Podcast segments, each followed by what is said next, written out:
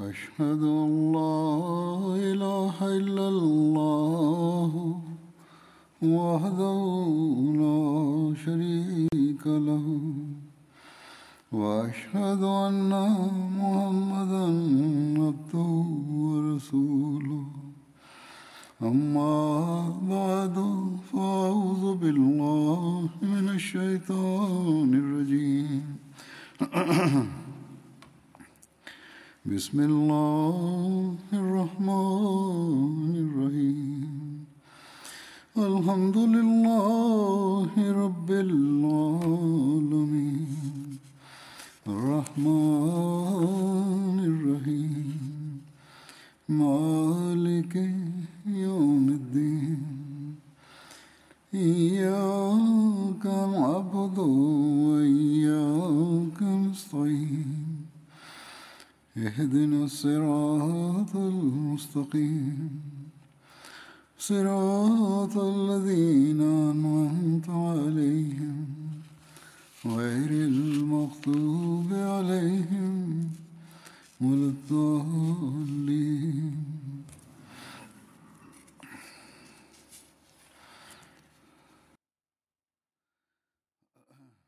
Telah dibahas berkenaan dengan kesulitan yang dihadapi pasca terpilihnya Hadrat Abu Bakar sebagai khalifah. Di antaranya, kesulitan pertama yang dijelaskan adalah kewafatan Hadrat Rasulullah Sallallahu Alaihi Wasallam yang dirasakan oleh setiap umat Muslim. Namun, yang paling terdampak adalah Hadrat Abu Bakar yang notabene adalah kawan Rasulullah dari sejak belia. Selain itu, bagaimana makom beliau radhiyallahu anhu dalam kesetiaan kepada Rasulullah dan meraih wawasan hingga ke kedalaman bayat yang mana tidak diraih oleh yang lainnya. Namun, pada masa itu Hadrat Abu Bakar memperlihatkan keberanian dan keimanan yang sangat dalam. Dijelaskan bahwa kondisi yang paling rentan dan mencekam adalah duka lara yang meliputi pasca kewafatan Rasulullah yang karenanya segenap para sahabat seperti kehilangan akal sehat disebabkan oleh duka yang teramat dalam disebabkan oleh kewafatan yang tiba-tiba tersebut, tidak ada yang dapat mengontrol diri, tidak ada yang dapat menggambarkan bagaimana rasanya berpisah dengan Rasulullah Sallallahu Alaihi Wasallam. Peristiwa kewafatan Rasulullah sedemikian rupa pahit dan menyedihkan, sehingga membuat para sahabat besar sekalipun hilang kesadaran. Bagaimana buruknya kondisi seorang pemberani seperti Hadrat Umar karena tergila-gila oleh kecintaan kepada Rasulullah. Beliau berdiri sambil menghunus pedang, mengatakan, "Jika ada yang mengatakan bahwa Muhammad Sallallahu Alaihi Wasallam telah wafat, saya akan penggal lehernya." Ini merupakan reaksi yang menggoyahkan umat Islam ketika mendengarnya, yakni apakah Rasulullah benar-benar telah wafat ataukah tidak.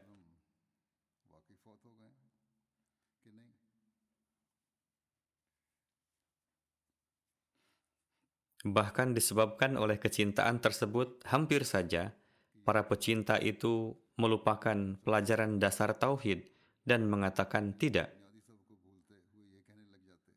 Rasulullah SAW tidak mungkin wafat dan tidak juga wafat. Ketika itu, Hadrat Abu Bakar masuk ke Masjid Nabawi, lalu berbicara kepada hadirin yang tengah berkumpul saat itu, mengatakan, Wahai manusia, Man kana minkum ya'budu Muhammadan fa inna Muhammadan qad mat wa man kana minkum ya'budu Allah fa inna Allah hayyun la yamut. Ketahuilah, siapa saja yang menyembah Muhammad sallallahu alaihi wasallam, maka sesungguhnya Muhammad telah wafat. Dan siapa saja yang menyembah Allah, maka sesungguhnya Allah itu hidup dan tidak akan pernah mati. Meskipun kecintaan beliau yang tak terhingga kepada Rasulullah, yang mana tidak ada tandingannya, namun beliau tetap memberikan pelajaran tauhid. Lalu bersabda, "Wa ma Muhammadun illa rasul qad khalat min qablihir rusul." Afa imma ta'au kutilang qalabtum ala aqabikum. Dan Muhammad Sallallahu Alaihi Wasallam tidak lain hanyalah seorang rasul. Sungguh telah berlalu rasul-rasul sebelumnya. Lantas mengapa beliau tidak akan wafat? Apakah jika beliau mati atau terbunuh, kalian akan berbalik atas tumit kalian dan meninggalkan Islam? Seperti itulah, dengan penuh semangat dan bijak, pada saat itu Hadrat Abu Bakar menyemangati para sahabat dalam kondisi demikian dan menjadi pelipur lara bagi kalbu para pecinta yang tengah dilanda nestapa. Di sisi lain, beliau pun menopang bangunan tauhid yang tengah goyah. Hadrat Akdas Masih Maud salam bersabda, Segenap anggapan yang timbul di benak para sahabat berkenaan masih hidupnya Rasulullah Sallallahu Alaihi Wasallam telah dijauhkan oleh Hadrat Abu Bakar dengan menggunakan rujukan Al-Quran dalam kesempatan pertemuan yang sifatnya umum. Bersamaan dengan itu, juga beliau menjauhkan anggapan keliru yang terdapat di dalam benak sebagian orang bahwa Nabi Isa alaihissalam masih hidup. Anggapan keliru itu muncul disebabkan oleh tidak merenungkan hadis-hadis Rasulullah secara seksama. Kesedihan besar kedua yang meliputi dan bagaimana Hadrat Abu Bakar mengatasinya adalah menata umat muslim dalam untayan mufakat dan kesatuan ketika pemilihan khilafat.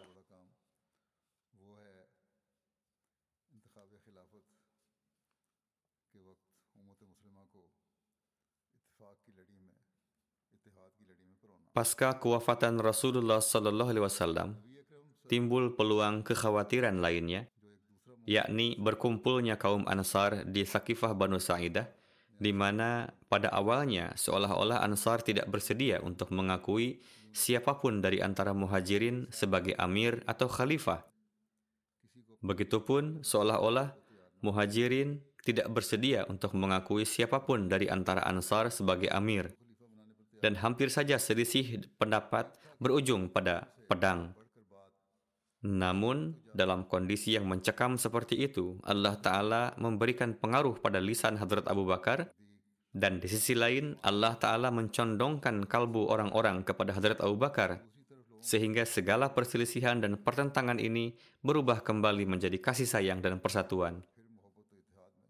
Sebagaimana disabdakan oleh Hadrat Masih salam, sebagaimana pasca kewafatan Hadrat Musa alaihissalam, Bani Israel patuh dan tidak membantah perkataan Hadrat Yusha bin Nun dan semuanya menzahirkan ketaatannya, seperti itu pula lah yang terjadi dengan Hadrat Abu Bakar anhu dan semua orang menangis ketika berpisah dengan Rasulullah Sallallahu Alaihi Wasallam lalu menerima kekhalifahan Hadrat Abu Bakar dengan segenap ketulusan.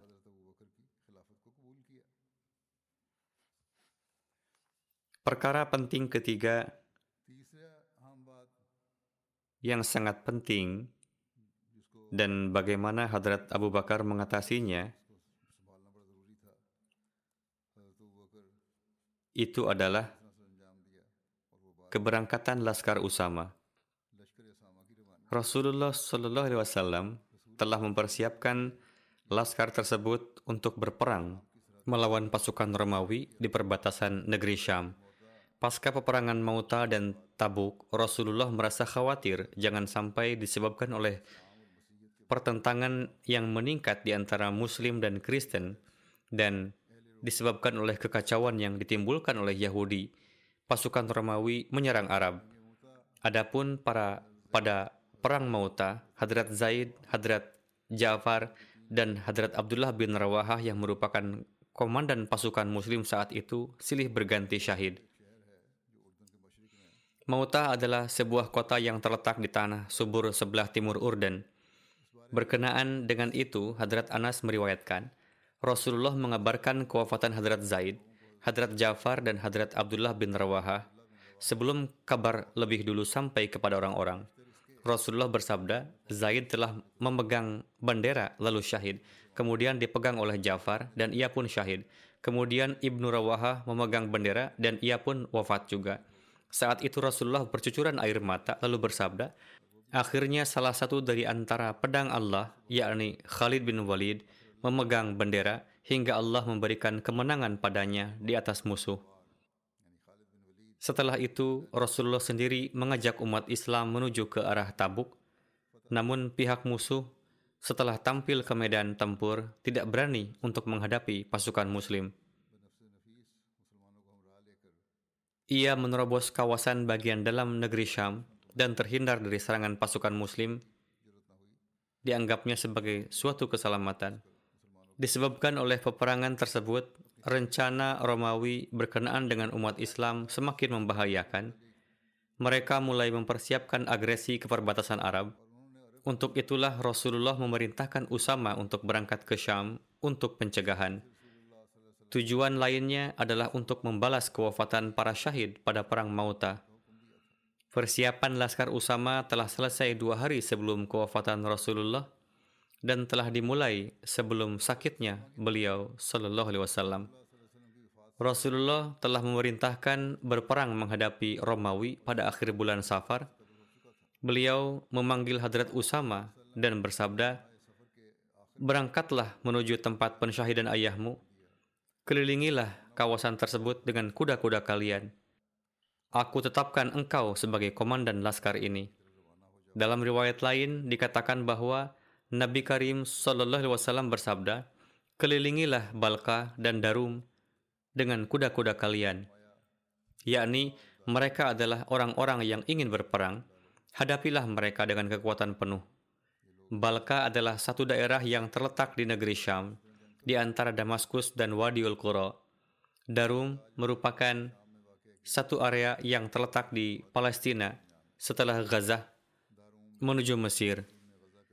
Berkenaan dengannya tertulis ta'ruf seperti itu.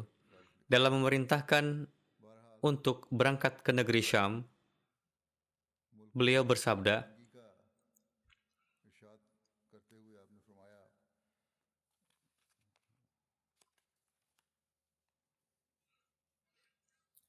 Pada pagi harinya, lakukanlah serangan ke penduduk Ubna. Ubna adalah nama area yang terletak di daerah Bulka, Balka, yakni negeri Syam. Berangkatlah dengan cepat, supaya sebelum kalian tiba di sana, mereka tidak mendapatkan kabar rencana ini. Jika Allah telah memberikan kesuksesan kepada kalian, maka jangan lama-lama berada di sana. Bawa juga penunjuk jalan, dan tunjuk orang yang akan mencari kabar di sana, dan mengabarkan padamu dengan benar Hadrat Rasulullah mengikatkan bendera dengan tangan beliau sendiri untuk Usama lalu bersabda, Berjihadlah dengan nama Allah di jalannya. Perangilah mereka yang mengingkari Allah. Hadrat Usama berangkat dengan membawa bendera yang diikatkan oleh tangan Rasulullah tersebut, lalu menyerahkannya kepada Hadrat Buraidah. Lalu mengumpulkan laskar tersebut di kawasan Juruf. Juruf merupakan tempat yang berjarak 3 mil dari Madinah. Alhasil, di antara orang-orang terpandang dari kalangan muhajirin dan ansar, tidak ada satupun yang tersisa. Semuanya diundang untuk ikut dalam perang tersebut, seperti Hadrat Abu Bakar, Hadrat Umar, Hadrat Abu Ubaidah bin Al-Jarrah, Hadrat Sa'ad bin Abi Waqqas, Hadrat Sa'id bin Zaid, Hadrat Qatadah bin Nu'man, Hadrat Salma bin Aslam, radallahu anhum. Semuanya ikut serta.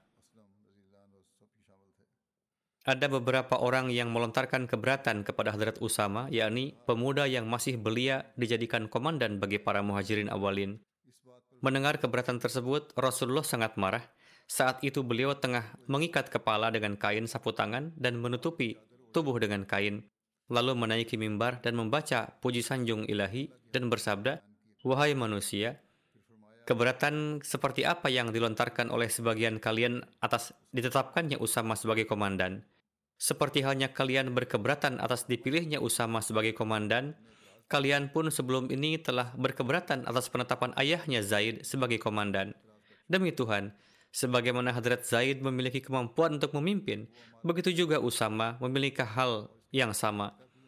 Mereka termasuk orang-orang yang sangat saya cintai, dan tentunya kedua orang ini layak untuk mendapatkan setiap kebaikan.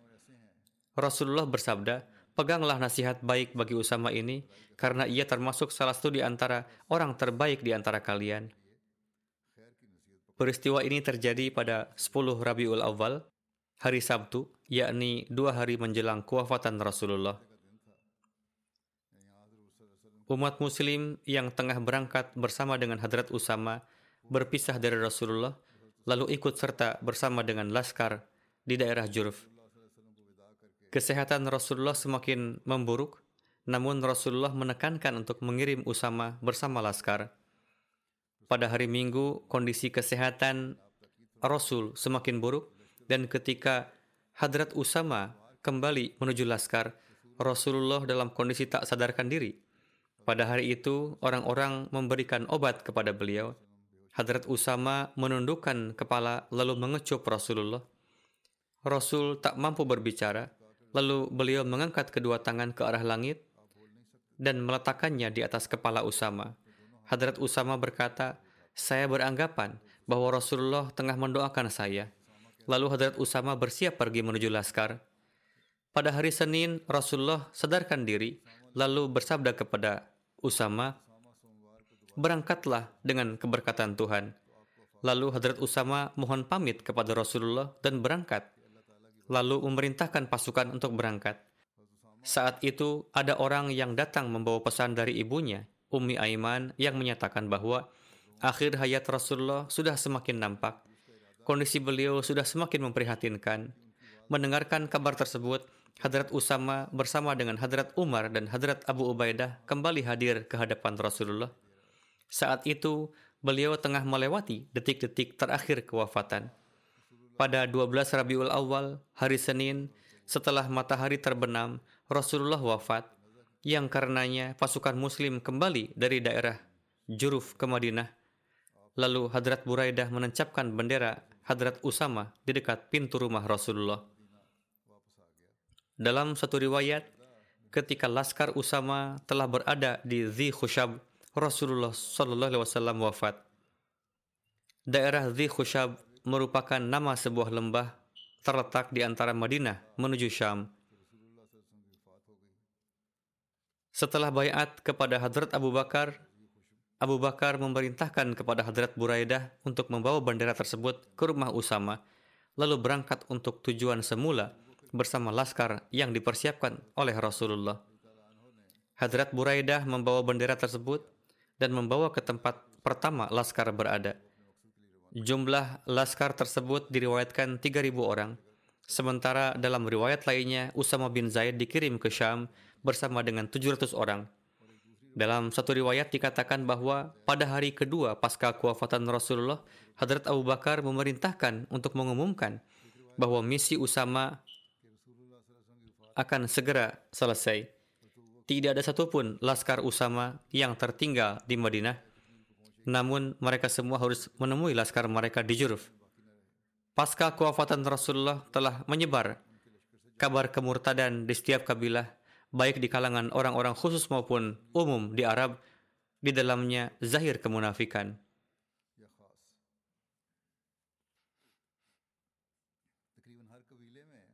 Pada saat itu, Yahudi dan Nasrani melebarkan pandangannya. Kewafatan Nabi Karim kurangnya jumlah umat Islam dan disebabkan banyaknya jumlah musuh membuat kondisi mereka sungguh tak berimbang, yakni sama sekali tak berdaya.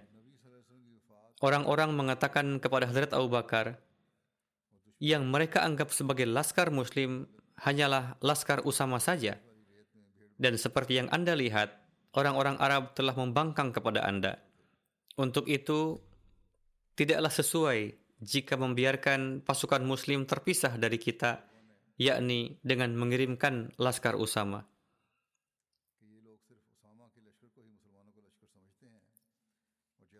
Hadrat Abu Bakar bersabda, Sekalipun hewan buas menyeretku, aku tetap akan mengirim laskar tersebut sesuai dengan perintah Rasul dan aku akan tetap melaksanakan perintah Rasulullah.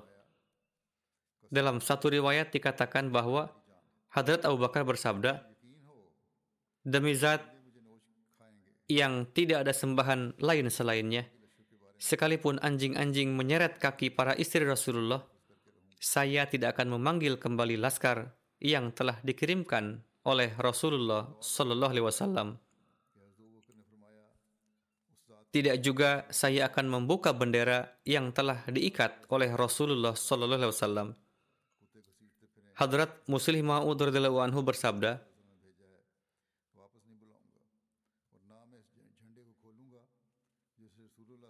Ketika Rasulullah wafat, seluruh Arab menjadi murtad. Insan pemberani seperti Hadrat Umar dan Hadrat Ali setelah melihat kekacauan tersebut terheran-heran. Ketika menjelang kewafatannya, Hadrat Rasulullah mempersiapkan sebuah laskar untuk menyerang ke daerah Romawi dan Hadrat Usama diangkat sebagai komandannya. Belum lagi laskar tersebut berangkat, Rasulullah telah terlebih dulu wafat. Ketika orang-orang Arab murtad pasca kewafatan beliau, para sahabat berpikir bahwa jika dalam waktu pemberontakan seperti ini, pasukan Usama tetap dikirim untuk menghadapi wilayah Romawi, maka hanya akan tersisa mereka yang tua, anak-anak, dan wanita, dan tidak ada lagi jalan untuk menjaga Madinah. Maka dari itu mereka mengusulkan agar ada utusan dari beberapa sahabat terkemuka yang akan pergi menemui Hadrat Abu Bakar untuk memohon agar pengiriman pasukan tersebut ditunda hingga pemberontakan reda. Maka dari itu Hadrat Umar dan beberapa sahabat lain hadir di hadapan Hadrat Abu Bakar dan beliau menyampaikan permohonan tersebut. Ketika Hadrat Abu Bakar mendengar hal ini, maka beliau memberi jawaban kepada utusan tersebut dengan nada kecewa. Apakah Anda semua menghendaki bahwa setelah kewafatan Rasul Karim Sallallahu Alaihi Wasallam, pekerjaan paling pertama dari putra Abu Kahafah, yakni Abu Bakar, adalah menahan pasukan yang telah diperintahkan Rasulullah untuk diberangkatkan? Lalu bersabda, Demi Tuhan, seandainya pasukan musuh masuk ke Madinah, hingga anjing pun menarik-narik jenazah para wanita muslim, saya tetap tidak akan menahan pasukan yang telah diputuskan oleh Rasulullah untuk diberangkatkan. Keberanian ini muncul di dalam diri Hadrat Abu Bakar karena Allah Ta'ala telah berfirman, Muhammadur Rasulullah walladzina ma'ahu asyidda'u 'alal kuffar. Seperti ketika suatu kawat biasa bertemu dengan petir yang hebat, maka timbul kekuatan yang luar biasa di dalamnya. Demikian pula dari menjalin hubungan dengan Muhammad sallallahu alaihi wasallam para sahabat beliau pun menjadi pemenuhan dari ayat Asyidda'u 'alal kuffar. Hadrat Aqdas Masih Maud salam di dalam karya beliau Sirrul Khilafah menjelaskan tentang keberangkatan pasukan Usama. Ibnu Asir menulis di dalam buku tarikhnya bahwa tatkala Rasulullah wafat dan kabar kewafatan beliau telah sampai di Mekah dan gubernur Mekah Attab bin Asid, maka Attab terdiam dan Makkah bergejolak dan hampir saja penduduknya menjadi murtad. Selanjutnya ia menulis, Arab telah menjadi murtad dan setiap kabilah baik awam maupun khas telah munafik, yakni mereka telah menjadi murtad. Telah nyata kemunafikan di setiap kabilah, baik awam maupun khas. Lalu orang-orang Yahudi dan Nasrani mulai mengangkat kepala mereka dan menyaksikannya. Keadaan umat muslim karena kewafatan nabinya karena sedikitnya jumlah mereka dan jumlah musuh yang banyak adalah laksana kawanan kambing dan domba di malam penuh hujan, yakni betul-betul tidak sebanding dan tak berdaya. Atas hal ini, orang-orang berkata kepada Abu Bakar, yang dianggap sebagai laskar oleh orang-orang hanyalah pasukan yang dipimpin oleh Usama, dan Anda pun menyaksikan bahwa orang-orang Arab telah memberontak kepada Anda. Jadi, tidaklah tepat jika Anda memberangkatkan pasukan muslim ini. Atas hal ini, Hadrat Abu Bakar bersabda, Saya bersumpah demi zat yang jiwaku berada di tangannya. Seandainya aku pun yakin bahwa di binatang buas akan mencabik-cabikku, aku tetap akan mengirim pasukan Usama sesuai dengan perintah Rasulullah. Saya tidak dapat membatalkan keputusan yang telah diberikan oleh Rasulullah Sallallahu Alaihi Wasallam. Alhasil, Hadrat Abu Bakar telah menegakkan perintah Rasulullah sebagaimana mestinya dan telah melaksanakannya. Beliau memerintahkan para sahabat yang termasuk di dalam pasukan Hadrat Usama untuk kembali ke dalam barisan. Hadrat Abu Bakar bersabda, setiap orang yang sebelumnya ikut di dalam pasukan Usama dan Rasulullah telah memerintahkannya untuk ikut serta, mereka sama sekali janganlah mundur. Dan saya tidak akan memberikannya izin untuk mundur. Mereka harus ikut meskipun dengan berjalan kaki, dan jangan ada satupun di antara mereka yang tertinggal. Alhasil, pasukan ini pun kembali siap. Beberapa sahabat ada yang masih menyampaikan pendapat mereka karena melihat keadaan yang rapuh, supaya pengiriman pasukan ini ditunda. Menurut satu riwayat, Hadrat Usama berkata kepada Hadrat Umar, mohon Anda mendatangi Hadrat Abu Bakar supaya beliau membatalkan perintah pengiriman pasukan ini, agar kita dapat mengatasi pemberontakan golongan-golongan murtad dan agar Khalifatul Rasul, keluarga Rasul, dan segenap kaum muslim terjaga dari serangan-serangan kaum musyrik. Beberapa tokoh Ansar di dalam pasukan Hadrat Usama pun menyampaikan kepada Hadrat Umar, jika Khalifah Rasulullah Sallallahu Alaihi Wasallam, yakni Hadrat Abu Bakar bersikeras untuk memberangkatkan pasukan, maka sampaikanlah pesan kami kepada beliau untuk mengangkat seseorang dengan usia yang lebih senior dari Usama sebagai pemimpin pasukan.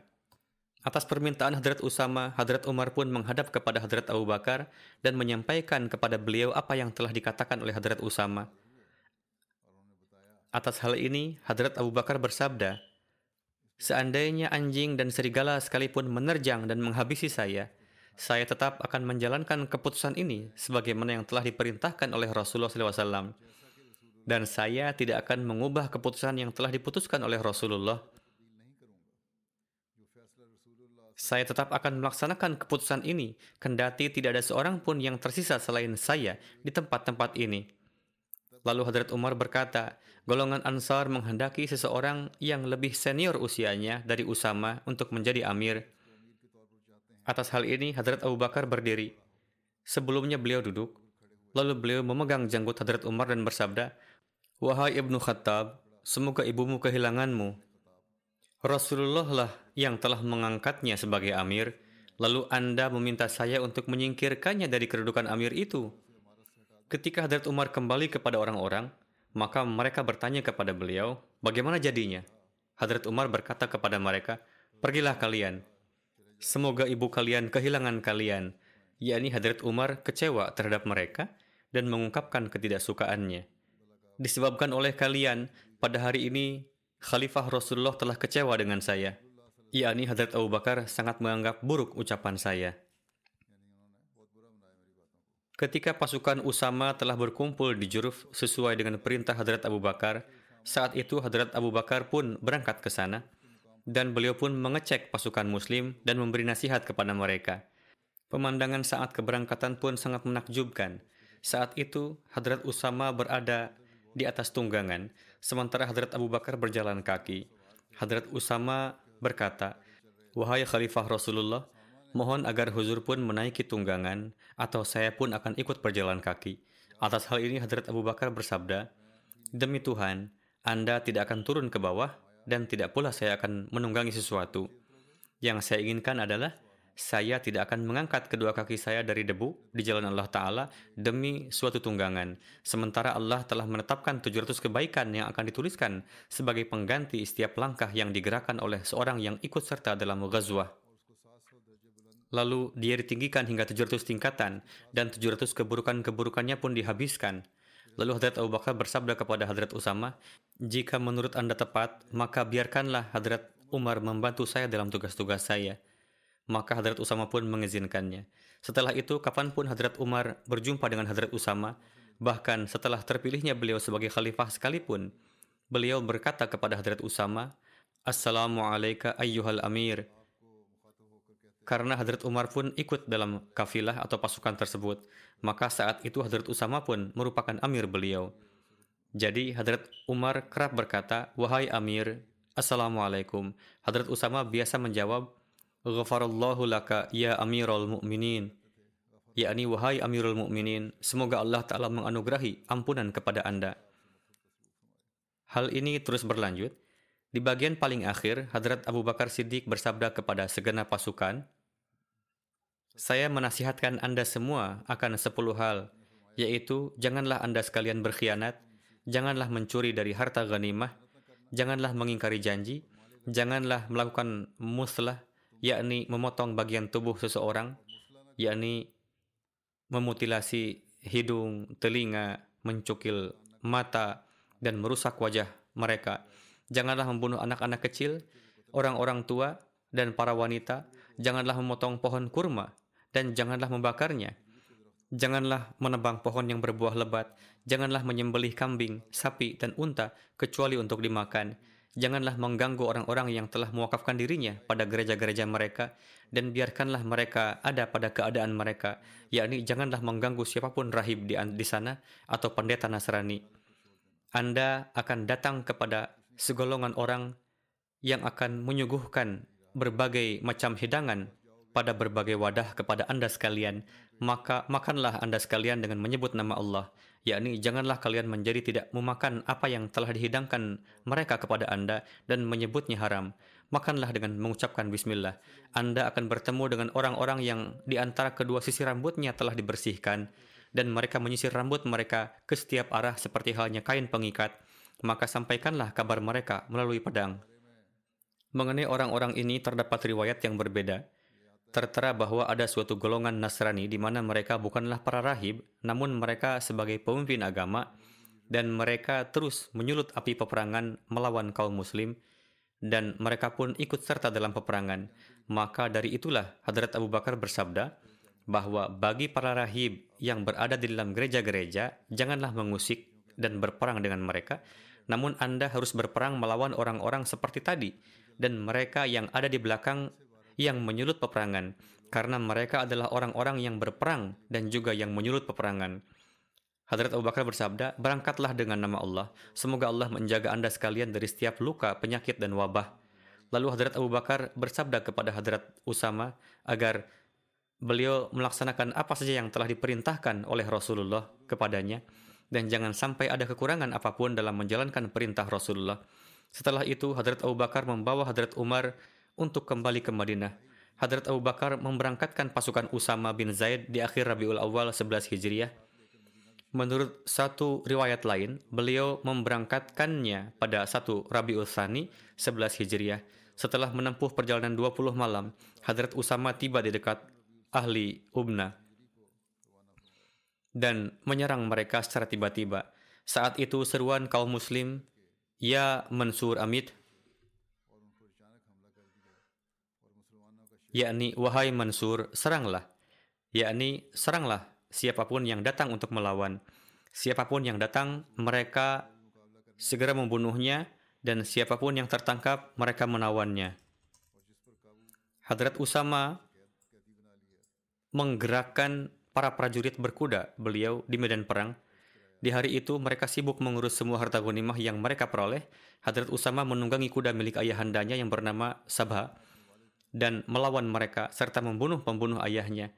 Tatkala sore tiba, Hadrat Usama memerintahkan semua orang untuk kembali dan mempercepat perjalanannya.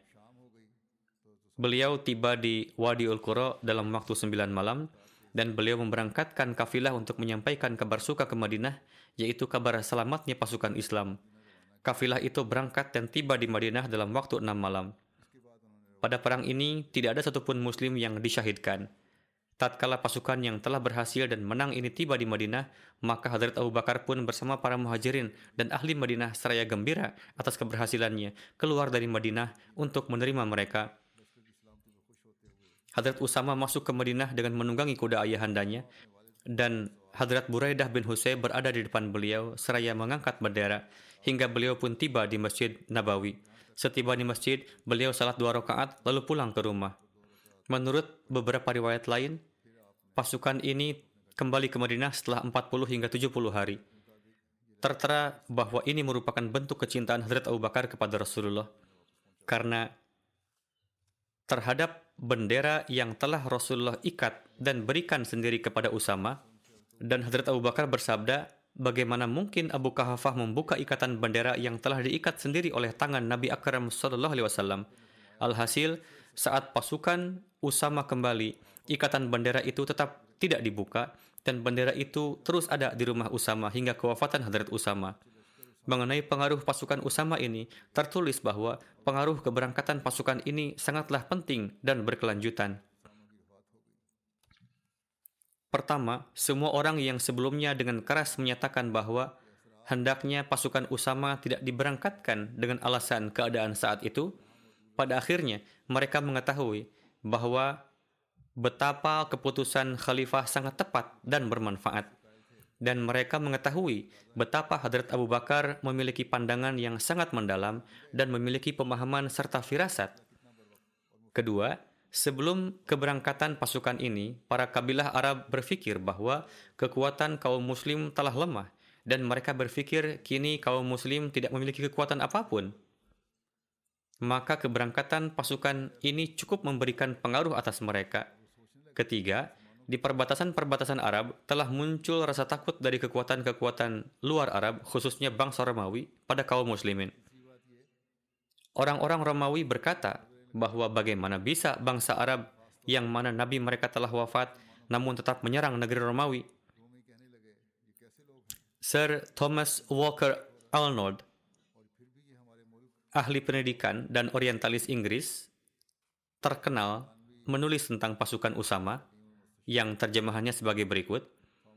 Pasca kewafatan Muhammad Sallallahu Alaihi Wasallam, Abu Bakar memberangkatkan pasukan Usama yang sebelumnya telah diperintahkan oleh Nabi Karim Sallallahu Alaihi Wasallam untuk bergerak menuju Syam.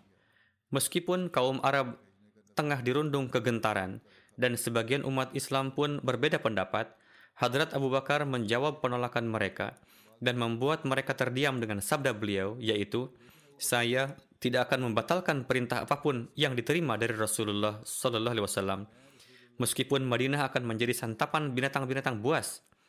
Bagaimanapun juga kehendak Huzur Sallallahu Alaihi Wasallam atas pasukan ini pasti akan dipenuhi.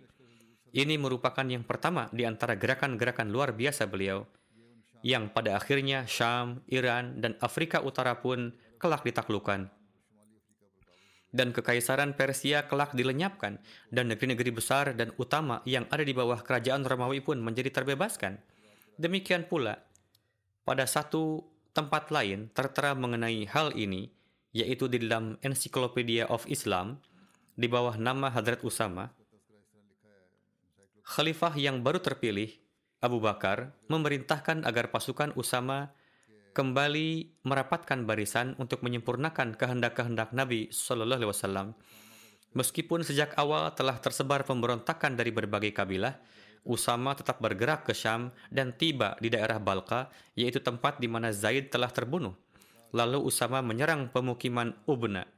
Dengan kemenangan beliau, para ahli Madinah yang sebelumnya telah sangat khawatir dengan berita-berita kemurtadan, mereka larut dalam kegembiraan. Alhasil, gerakan ini memberikan manfaat yang lebih dari sekadar keberangkatan pasukan, dan ini menjadi suatu tonggak awal bagi penaklukan Syam di kemudian hari.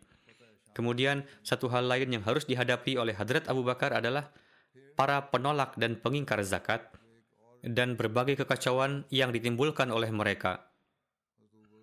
Tatkala kabar kewafatan Rasulullah tersebar di seluruh Arab, maka gelombang pemberontakan dan penolakan pun mulai menyeruak Allama Ibnu Ishaq menuturkan, di waktu kewafatan Rasulullah, seluruh Arab melakukan penentangan, kecuali Mekah dan Madinah. Setelah kewafatan Rasulullah, penduduk Mekah memang terlindungi dari penentangan. Rincian tentang ini adalah Suhail bin Amru yang telah menerima Islam di peristiwa Fatah Mekah, ia pernah menjadi tawanan di Perang Badar karena sebagai kaum kafir. Ia menjadikan mulutnya sebagai senjata menyerang Islam. Saat itu Hadrat Umar berkata kepada Rasulullah, Wahai Rasulullah, mohon agar Huzur mengizinkan saya menanggalkan kedua gigi depannya karena ia menggunakannya untuk menyerang. Karena dengan ini ia tidak akan pernah lagi dapat berpidato untuk menyerang Islam. Rasulullah bersabda, Wahai Umar, biarkanlah dia. Tidak lama lagi, ia akan berada di tempat yang Anda sekalipun akan memujinya. Hadrat Rasulullah SAW bersabda, Wahai Umar, biarkan dia. Tidak lama lagi dia akan menempati kedudukan yang membuatmu memujinya. Hadrat Umar radhiallahu anhu ingin menjatuhi hukuman kepadanya. Namun Hadrat Rasulullah bersabda, tidak, jangan katakan apa pun. Akan tiba saatnya ketika ia akan berdiri pada suatu kedudukan dan ia akan menyampaikan pembicaraan yang akan membuatmu memujinya. Singkatnya, Allamah Ibnu Ishaq menuturkan, kedudukan ini datang ketika Hadrat Rasulullah SAW wafat Orang-orang Mekah menjadi terguncang ketika Quraisy melihat orang-orang Arab menjadi murtad dan Attab bin Usaid, amir yang ditetapkan oleh Hadrat Rasulullah untuk penduduk Mekah hanya berdiam diri. Maka pada kesempatan itu Hadrat Suhail bin Amru anhu berdiri menyampaikan pidato dan mengatakan, "Wahai orang-orang Quraisy, janganlah kalian menjadi orang yang paling akhir memeluk Islam dan paling awal murtad meninggalkannya. Demi Allah, Agama ini akan membentang luas sebagaimana rembulan dan matahari membentang luas dari mulai terbit hingga terbenamnya. Demikian juga Hadrat Suhail menyampaikan sebuah pidato yang panjang. Pidato ini menyentuh hati orang-orang Makkah dan mereka berhenti. Hadrat Attab bin Husaid anhu yang berdiam diri pun dipanggil dan Quraisy menjadi teguh dalam Islam. Mereka yang memilih murtad ada beberapa jenis. Seorang penulis sirat Hadrat Abu Bakar anhu menulis mengenai mereka sebagai berikut. Kemurtadan pun memiliki beragam bentuk. Sebagian orang meninggalkan Islam sepenuhnya dan memilih menyembah berhala. Sebagian orang mendakwakan kenabian. Sebagian orang tetap mengakui Islam dan melaksanakan sholat namun berhenti membayar zakat. Sebagian orang merasa senang dengan kewafatan hadrat Rasulullah dan terjerumus dalam adat kebiasaan dan amalan-amalan jahiliyah. Sebagian orang menjadi mangsa keraguan-raguan dan menunggu-nunggu siapa yang akan meraih kejayaan. Semua corak penjelasan tersebut disampaikan oleh para ulama sirat dan fikih. Imam Khattabi menuturkan bahwa orang-orang murtad terbagi menjadi dua jenis. Yang pertama adalah mereka yang murtad dari agama, meninggalkan keyakinan dan kembali pada kekafiran. Golongan ini terbagi menjadi dua kelompok. Kelompok pertama adalah orang-orang yang beriman kepada Musailamah al-Kadzab dan Aswad al-Ansi. Orang-orang ini membenarkan pendakwaan mereka dan mengingkari kenabian hadrat Rasulullah SAW. Kelompok kedua adalah mereka yang murtad dalam Islam dan mengingkari perintah-perintah syariat mereka meninggalkan salat, zakat, serta perkara-perkara lainnya dan kembali pada agama jahiliyah. Jenis orang-orang murtad yang kedua adalah mereka yang membeda-bedakan antara salat dan zakat. Mereka mengakui salat, namun mengingkari kewajiban zakat dan menolak kewajiban untuk menyerahkannya pada khalifah. Di antara mereka yang menghentikan zakat juga terdapat orang-orang yang ingin membayar zakat, namun para pemimpin mereka mencegah mereka darinya. Dari berbagai pengkategorian orang-orang murtad yang bermacam-macam ini, yang paling mendekati adalah pengkategorian yang dilakukan oleh Qazi Ayyaz. Namun beliau membagi menjadi tiga jenis. Yang pertama adalah mereka yang menyembah berhala. Yang kedua adalah mereka yang mengikuti Musailamah Kazab dan Aswad Ansi. Keduanya mendakwakan kenabian. Yang ketiga adalah mereka yang tetap dalam Islam namun mengingkari zakat dan menjadi korban penafsiran bahwa kewajiban zakat terbatas hingga masa Nabi Muhammad SAW saja. Kemudian Dr. Abdurrahman menuturkan bahwa orang-orang murtad terbagi menjadi empat jenis. Yang pertama adalah mereka yang menjadi penyembah berhala.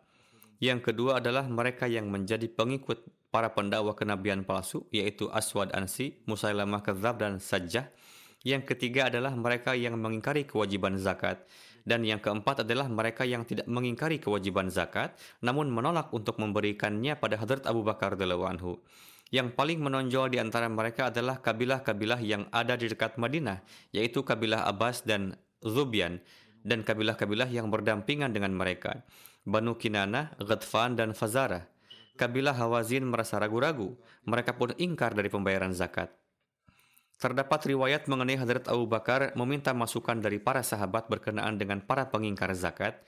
Hadrat Abu Bakar anhu mengumpulkan para sahabat besar dan meminta saran dari para sahabat mengenai berperang dengan orang-orang yang mengingkari zakat, yakni mereka yang mengatakan dirinya sebagai muslim tetapi ingkar dari membayar zakat. Hadrat Umar bin Khattab anhu dan sebagian besar umat Islam berpendapat bahwa kita hendaknya jangan berperang dengan orang-orang yang beriman kepada Allah dan Rasulnya, melainkan hendaknya bersatu dengan mereka melawan orang-orang murtad.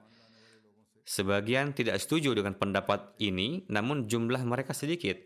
Berdasarkan satu riwayat, para sahabat memberikan saran kepada Hadrat Abu Bakar radhiyallahu anhu supaya membiarkan para pengingkar zakat pada kondisi mereka dan bersikap persuasif terhadap mereka hingga keimanan menjadi teguh di hati mereka. Kemudian zakat dipungut dari mereka. Hadrat Abu Bakar tidak menyetujui dan menolak pendapat ini. Hadrat Abu Bakar mendukung pendapat yang menyatakan bahwa hendaknya berperang dengan para pengingkar zakat dan memaksa mereka membayar zakat. Beliau begitu bersikeras dalam perkara ini sehingga ketika berdiskusi beliau mengatakan dengan kata-kata yang keras bahwa demi Allah jika orang-orang yang mengingkari zakat menolak memberikan kepadaku seutas tali yang biasa mereka bayarkan pada zaman Rasulullah maka aku akan memerangi mereka. Dalam satu riwayat Bukhari terdapat penjelasan dari rincian peristiwa ini sebagai berikut. Abu Hurairah meriwayatkan bahwa Hadrat Umar berkata, Bagaimana bisa engkau memerangi orang-orang itu? Padahal Rasulullah pernah bersabda, Umirtu an uqatilan nasa hatta yakulu la ilaha illallah wa man qalaha faqad asama minni ma lahu wa nafsahu illa bihaqqihi wa hisabuhu 'ala Allah. Aku diperintahkan memerangi orang-orang sampai mereka mengikrarkan la ilaha illallah. Dan barang siapa telah mengucapkannya, maka ia telah menyelamatkan harta dan jiwanya dariku, kecuali atas dasar suatu hak dan penghisabannya pada Allah Ta'ala. Lalu Hadrat Abu Bakar bersabda, Demi Allah, aku akan memerangi orang yang membeda-bedakan antara salat dan zakat, karena zakat adalah hak harta. Demi Allah, jika mereka tidak memberikan kepadaku sekalipun seekor anak kambing yang dulu biasa mereka bayarkan kepada Rasulullah, maka aku akan memeranginya atas penolakannya tersebut. Hadrat Umar mengatakan, Demi Allah, ini tidak terjadi kecuali Allah Ta'ala telah membukakan hati Hadrat Abu Bakar. Saya mengetahui bahwa inilah sikap yang benar, yakni Hadrat Umar kemudian mengakui bahwa Hadrat Abu Bakar mengatakan hal yang benar. Dalam menjelaskan hadis, Asama minni ma lahu wa nafsahu illa bihaqqih. Hadrat Sayyid Zainul Abidin Waliullah Syah Sahib menulis, Kalimat illa bihaqqihi al-Islam lebih memperjelas pokok bahasan ini. Jika seorang muslim mengikrarkan la ilaha illallah namun tidak menjaga hak-hak Islam, maka ia juga akan dimintai pertanggungjawaban. Ia tidak dapat selamat hanya dengan beriman saja. Bihaqil Islam memiliki dua macam pengertian. Yang pertama adalah berkaitan dengan hak-hak Islam. Hak adalah bentuk masdar yang juga memberi makna jamak yang kedua pengertiannya adalah di mana Islam menetapkan wajib untuk mengambil harta-harta dan nyawa-nyawa tersebut. Hakul amri asbatahu wa aujab, yakni menetapkannya wajib atau perlu. Ini juga digunakan dalam makna mutaaddi atau transitif. Keselamatan individu-individu dalam umat juga bergantung pada pemenuhan hak-hak. Seperti halnya tidak membayar pajak adalah merupakan pemberontakan dan wajib dihukum. Demikian juga tidak membayar zakat. Hadrat Umar pada awalnya tidak sepakat dengan Hadrat Abu Bakar, namun ketika mendengar argumentasi Hadrat Abu Bakar dengan kata illa bihaq, maka beliau menerima pendapat Hadrat Abu Bakar. Dari peristiwa ini jelaslah bahwa hanya sekedar mengatakan la ilaha illallah dengan mulut dalam keadaan tanpa adanya amalan saleh sama sekali tidak memiliki hakikat apa pun. Judul dari bab ini adalah fa in tabu wa aqamu salata wa atau zakata fakhallu sabilahum. Dalam hal ini, seraya mengulangi pokok bahasan dari ayat di atas, Allah Ta'ala berfirman, fa in tabu wa aqamu salata wa atau az-zakata Dan jika mereka bertobat, menegakkan salat dan membayar zakat, maka mereka itu adalah saudara-saudaramu dalam agama hendaknya mereka jangan ditentang. Dari kata-kata ini terbukti bahwa orang yang meninggalkan salah satu dari tiga perkara tersebut bukanlah muslim. Menjalankan lima rukun Islam adalah kewajiban. Dengan bersabda illa bil haq, Hadrat Rasulullah sendiri telah menetapkan infak visabilillah sebagai hak kelompok-kelompok yang lemah dalam masyarakat yakni menjadi kewajiban orang-orang yang berkemampuan untuk mentaati perintah-perintah Islam dan mereka harus membayar kewajiban finansial yang dikenakan kepada mereka. Dalam corak ini hak-hak mereka pun akan tetap terjaga. Argumen Hadrat Abu Bakar dengan kata-kata illa bil haq ini menunjukkan visi yang luas dalam dan mendalam. Dalam pandangan Hadrat Abu Bakar tidak membayar zakat adalah pemberontakan dan orang yang tidak membayar zakat bukanlah orang dari masyarakat Islam dan memeranginya atas pemberontakannya tersebut adalah keharusan. Memang Islam memberikan kebebasan dalam hal agama dengan perkataan la ikraha fiddin, yakni tidak ada paksaan dalam agama, namun seseorang yang secara zahir mendakwakan keislaman dan bergabung dalam masyarakat Islam serta berada dalam perlindungannya dan mengambil manfaat dari keberkatan-keberkatannya serta mengambil keuntungan secara penuh dari hak-hak kolektifnya, tetapi ia tidak menjalankan tugas-tugas dan kewajiban yang dibebankan oleh Islam kepadanya dalam posisi sebagai anggota dari masyarakat Islam, maka orang yang seperti itu tidak memiliki hak, keamanan, dan perlindungan kolektif. Di dunia ini tidak ada satu pemerintahan pun yang bisa mentolerir orang-orang yang melanggar hukum dan melakukan pemberontakan. Sistem zakat dalam Islam sejatinya berkaitan dengan masyarakat, bukan dengan seseorang. Hasil-hasilnya dan dampak-dampaknya pun berkaitan dengan masyarakat, bukan perseorangan. Berdasarkan satu riwayat, pada kesempatan tersebut Hadrat Umar berkata, Wahai Khalifah Rasulullah, Sallallahu bersikaplah persuasif dan lemah lembut kepada orang-orang. Atas hal itu Hadrat Abu Bakar berkata kepada Hadrat Umar, pada masa jahiliyah engkau sangat pemberani dan dalam Islam sekarang engkau menzahirkan kepengecutan. Alhasil, saya akan menjelaskan berkenaan dengan perang menghadapi para pengingkar zakat dan dampak-dampaknya pada pihak internal maupun eksternal pada kesempatan yang akan datang.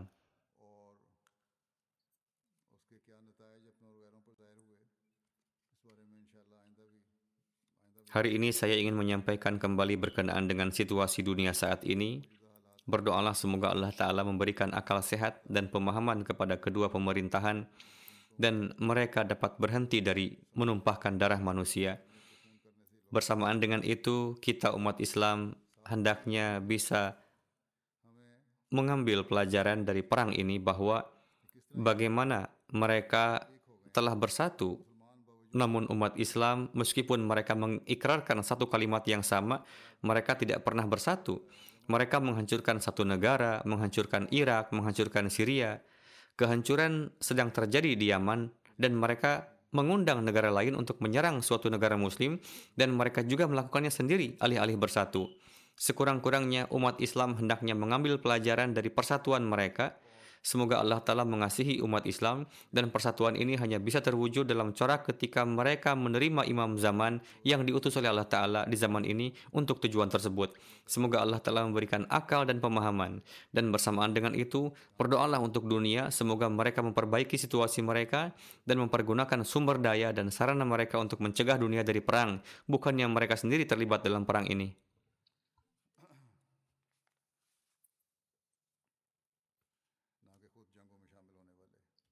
Setelah salat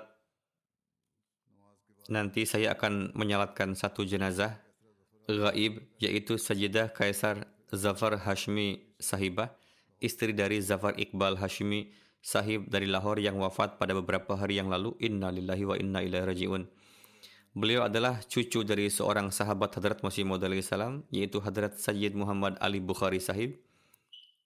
Ayahanda beliau adalah Sayyid Nazir Ahmad Bukhari setelah menikah, beliau tinggal di beberapa tempat. Pada tahun 61 beliau menikah. Setelah itu pada tahun 81 beliau pindah ke Alamah Iqbal Town, Lahore. Di sana beliau mendapatkan taufik untuk berkhidmat di lajnah dan melakukan pengkhidmatan sebagai sadar dan juga sekretaris. Beliau adalah sosok wanita yang disiplin dalam salat dan puasa, rajin berdoa, pengkhidmat tamu, penyabar, senantiasa bersyukur, sangat saleh dan mukhlis, Beliau memiliki jalinan ikatan kecintaan dan ketaatan yang kuat dengan khilafat. Beliau selalu terdepan dalam mengikuti gerakan-gerakan pengorbanan harta. Beliau biasa membayar candah dan di awal tahun perjanjian. Dengan karunia Allah Ta'ala, beliau seorang musiah. Di antara yang ditinggalkan selain istri juga termasuk lima putra dan satu putri. Seorang putra beliau Mahmud Iqbal Hashmi sahib di penjara di jalan Allah Ta'ala yang mana saat ini berada di penjara Lahore. Beliau memang tidak diizinkan keluar dari penjara, namun pihak manajemen penjara bersikap lunak. Mereka membawa jenazah ibunda kepada beliau dan beliau berkesempatan melihat ibunda beliau untuk terakhir kalinya. Atas tuduhan penggunaan syiar-syiar islami telah diberikan hukuman yang begitu berat terhadap para Ahmadi sampai-sampai tidak diizinkan keluar dari penjara untuk menyalatkan jenazah, sedangkan para pembunuh-pembunuh besar mendapatkan izin untuk keluar. Bagaimanapun, semoga Allah Ta'ala mengasihi pemerintahan negara ini. Pada tahun 2019, sebuah kasus didaftarkan terhadap Mahmud Iqbal Sahib beserta ketiga kawan beliau.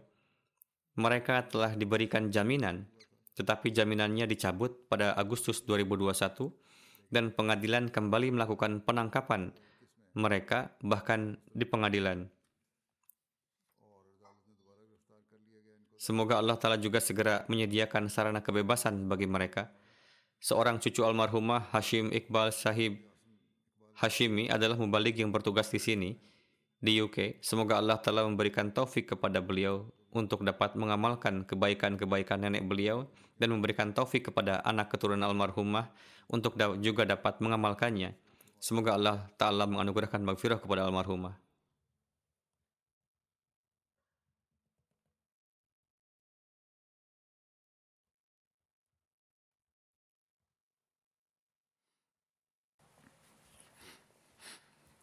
الحمد لله الحمد لله نحمده ونستعينه ونستغفره ونؤمن به ونتوكل عليه.